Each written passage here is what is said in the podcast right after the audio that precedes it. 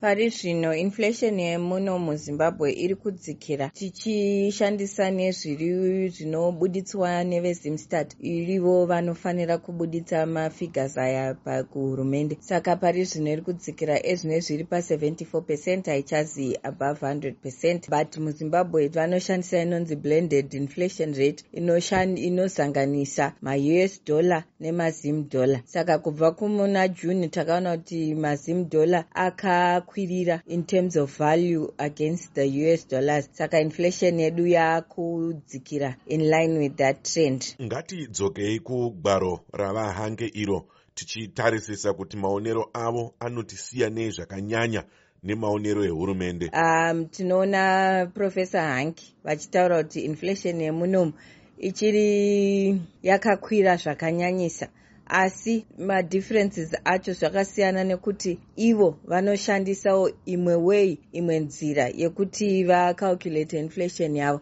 Vanoshandisa nzira dzipi dzinosiyana nedzinoshandiswa nezimstad? Vahanki vanowanzoshandisa exchange rate voshandisa futi zvinowanikwa pastock market. Saka calculation yavo inobuditsa zvakati siyanei nezvinobuditswa nehurumende. Izvo zvinhu zvakagadzikana here munyaya dzemari munyika pari zvino? Pari zvino inflation yakadzikira.